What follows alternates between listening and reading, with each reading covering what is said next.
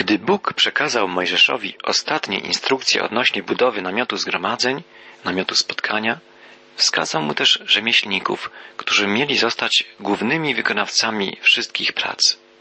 Czytamy o tym w 31 rozdziale Księgi Wyjścia.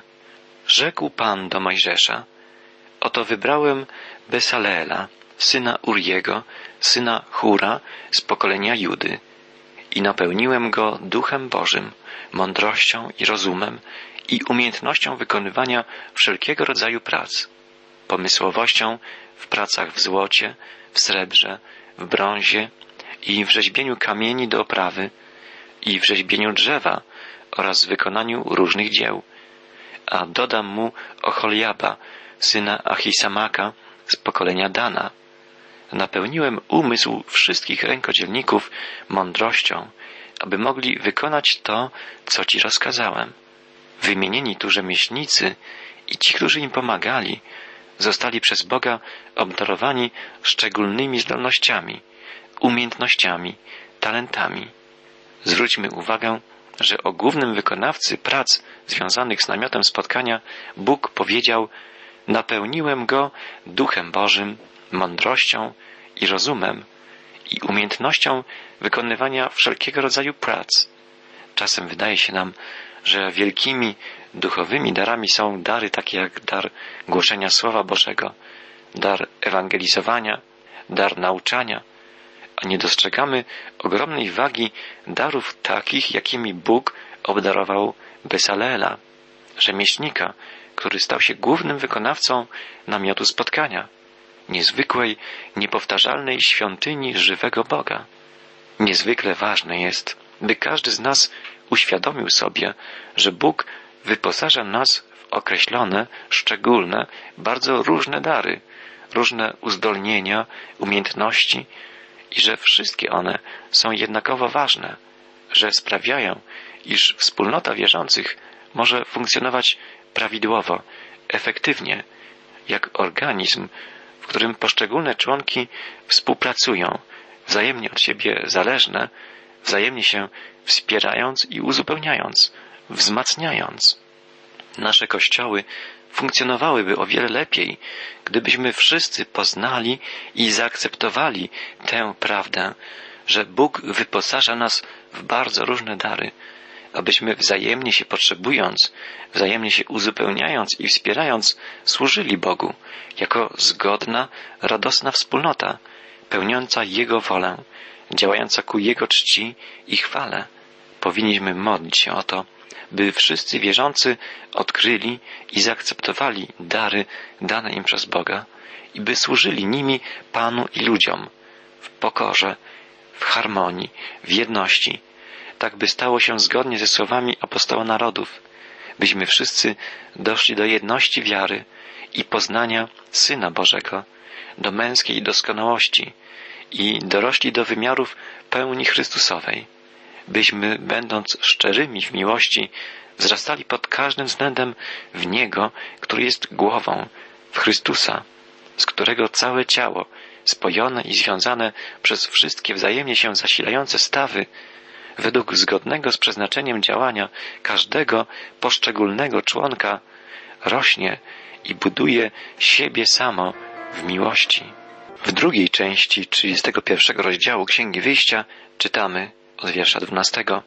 Potem tak rzekł Pan do Mojżesza. Powiedz Izraelitom, przestrzegajcie pilnie moich szabatów, gdyż to jest znak między mną a wami dla wszystkich waszych pokoleń, by po tym można było poznać, że ja jestem Pan, który was uświęcam. Szabat ma być znakiem przymierza pomiędzy Bogiem a Izraelem. Jest to stare przymierze, przymierze okresu Starego Testamentu. Nie dotyczy ono Kościoła, gdyż Kościół to wspólnota nowego przymierza, przymierza Chrystusowego. Nigdzie nie czytamy w Nowym Testamencie, by Kościół był zobowiązany do przestrzegania szabatu.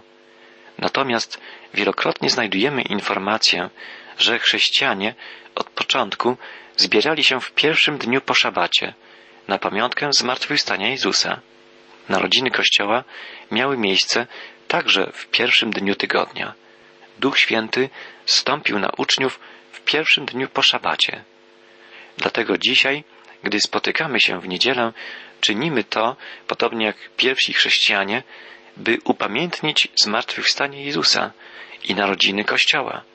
Musimy jednak podkreślić, że odkąd znamy Jezusa, każdy dzień jest dla nas dniem Pana. Każdy dzień naszego życia powinniśmy powierzać Jezusowi, a naszym odpocznieniem jest dzisiaj odpocznienie w wierze, odpocznienie w Chrystusie. Natomiast szabat jako dzień odpocznienia, bo to znaczy jego nazwa, jako dzień święty, pozostał znakiem przymierza pomiędzy Bogiem a Izraelem. Przeczytajmy wiersz 16 i 17. Izraelici winni pilnie przestrzegać szabatu jako obowiązku i przymierza wiecznego poprzez pokolenia. To będzie znak wiekuisty między mną a Izraelitami, bo w sześciu dniach Pan stworzył niebo i ziemię, a w siódmym dniu odpoczął i wytchnął.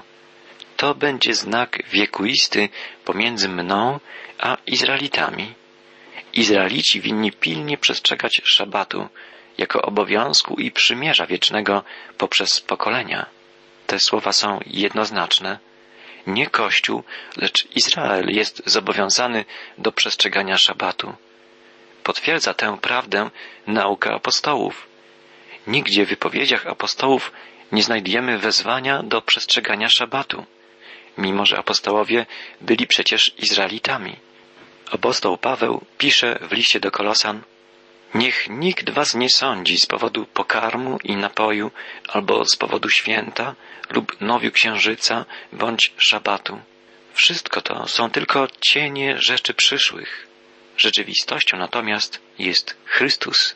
Szabat należy do Starego Przymierza, natomiast Kościół należy do Nowego Przymierza, do nowego stworzenia, do rzeczywistości, którą zapoczątkowało powstanie z martwych naszego Zbawiciela i Pana, Jezusa Chrystusa.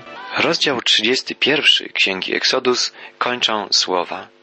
Gdy Bóg skończył rozmawiać z Mojżeszem na górze Synaj, dał mu dwie tablice świadectwa, tablice kamienne napisane palcem Bożym.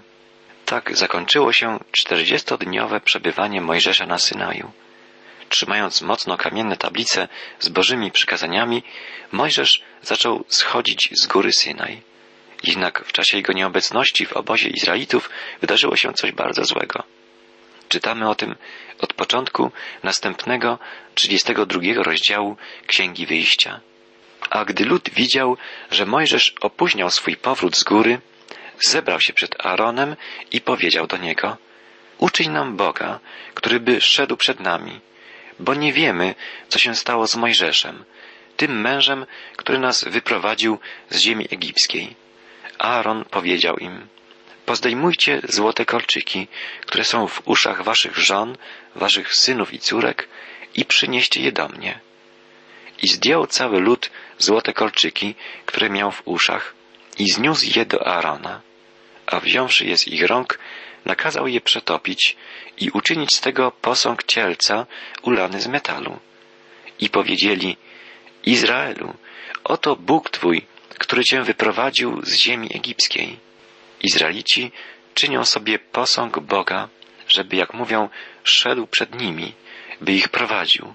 Postępują jak Egipcjanie, którzy nosili na przedzie swoich karawan posągi pogańskich bogów. Złoty cielec ma uosabiać Boga Izraela, podobnie jak na przykład posąg byka Apisa uosabiał Boga Egiptu. Izraelici zachowują się jak poganie. Chcą mieć Boga, którego można oglądać, którego można dotknąć. Ale przecież nie jest to żywy, prawdziwy Bóg.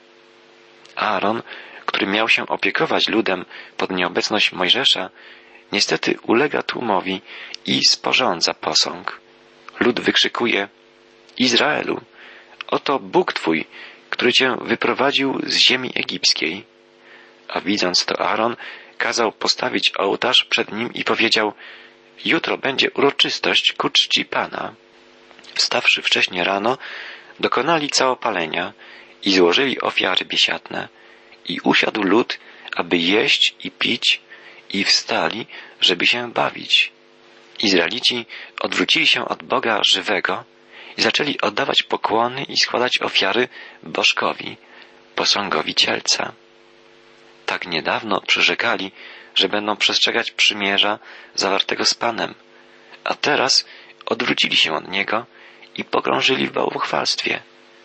Działo się to w czasie, gdy Mojżesz rozmawiał z Bogiem na górze Synaj, gdzie Bóg przekazał Mojżeszowi tablicę z przykazaniami oraz instrukcje odnośnie budowy przybytku, namiotu spotkania.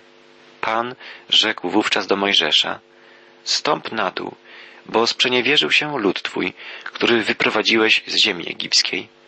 Bardzo szybko odwrócili się od drogi, którą im nakazałem i utworzyli sobie posąg cielca ulanego z metalu i oddali mu pokłon i złożyli mu ofiary, mówiąc Izraelu, oto Twój Bóg, który Cię wyprowadził z ziemi egipskiej. I jeszcze powiedział Pan do Mojżesza, Widzę, że lud ten jest ludem o twardym karku. Zostaw mnie przeto w spokoju, aby rozpalił się gniew mój na nich. Chcę ich wyniszczyć, a Ciebie uczynić wielkim ludem. Mojżesz jednak zaczął usilnie błagać Pana, Boga swego i mówić, Dlaczego, Panie, płonie gniew Twój przeciw ludowi Twemu, który wyprowadziłeś z ziemi egipskiej wielką mocą i silną ręką? Mojżesz rozpoczyna niezwykłą, dramatyczną rozmowę z Bogiem. Jest to niesamowita modlitwa, podczas której Bóg poddał Mojżesza ogromnej próbie. Mojżesz modlił się szczerze, gorliwie. Gdyby nasze modlitwy były zawsze tak szczere, tak odważne, nasze spotkania modlitewne byłyby najbardziej pasjonującym czasem spędzanym w chrześcijańskiej wspólnocie.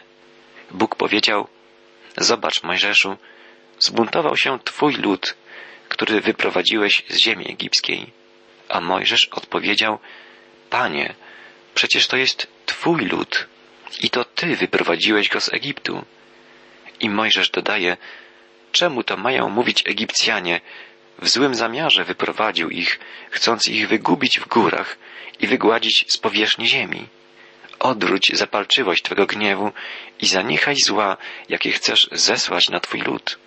Mojżesz niejako przypomina Panu, że wyprowadził on swój lud na pustynię, aby doprowadzić Izrael do ziemi obiecanej. Jeśli zginą, Egipcjanie powiedzą, Wasz Bóg wyprowadził was na pustynię w złym zamiarze, żeby was zgładzić. Cóż to więc za okrutny Bóg? A potem Mojżesz podaje Bogu w modlitwie trzeci powód, dla którego powinien on oszczędzić Izraelitów. Mojżesz błaga, wspomnij na Abrahama, Izaaka i Izraela, Twoje sługi, którym przysiągłeś na samego siebie, mówiąc do nich, uczynię potomstwo wasze tak liczne, jak gwiazdy niebieskie i całą ziemię, o której mówiłem, dam waszym potomkom i posiądą ją na wieki. Te argumenty Mojżesza dowodzą jego wiary i świadczą o jego szczerości. Bóg wypróbował wiarę Mojżesza, wypróbował jego odwagę, jego ufność, jego oddanie. Mojżesz okazał się wierny i Bogu, i swemu ludowi. Na taką modlitwę, jak modlitwa Mojżesza, Bóg odpowiada pozytywnie. Czytamy, wówczas to Pan zaniechał zła, jakie zamierzał zesłać na swój lud. Drogi przyjacielu, gdybyśmy w modlitwie wołali do Boga zupełnie szczerze, bez używania nieraz zbędnych, patetycznych, wielkich słów, wtedy Bóg odpowiadałby na nasze modlitwy w sposób zaskakujący. Częściej słyszelibyśmy Boże tak. Zawsze otrzymujemy odpowiedź na nasze modlitwy, ale wydaje się, że Bóg często mówi nam nie, dlatego że nie modlimy się autentycznie, szczerze. Bóg nie toleruje hipokryzji, udawania, pragnie naszej szczerości, pragnie odpowiadać na nasze modlitwy, gdy wołamy do Niego z głębi naszego serca. Co wydarzyło się dalej pod górą Synaj? Przeczytajmy. Mojżesz zszedł z góry z dwiema tablicami świadectwa w swym ręku, a tablice były zapisane na obu stronach, zapisane na jednej i na drugiej stronie.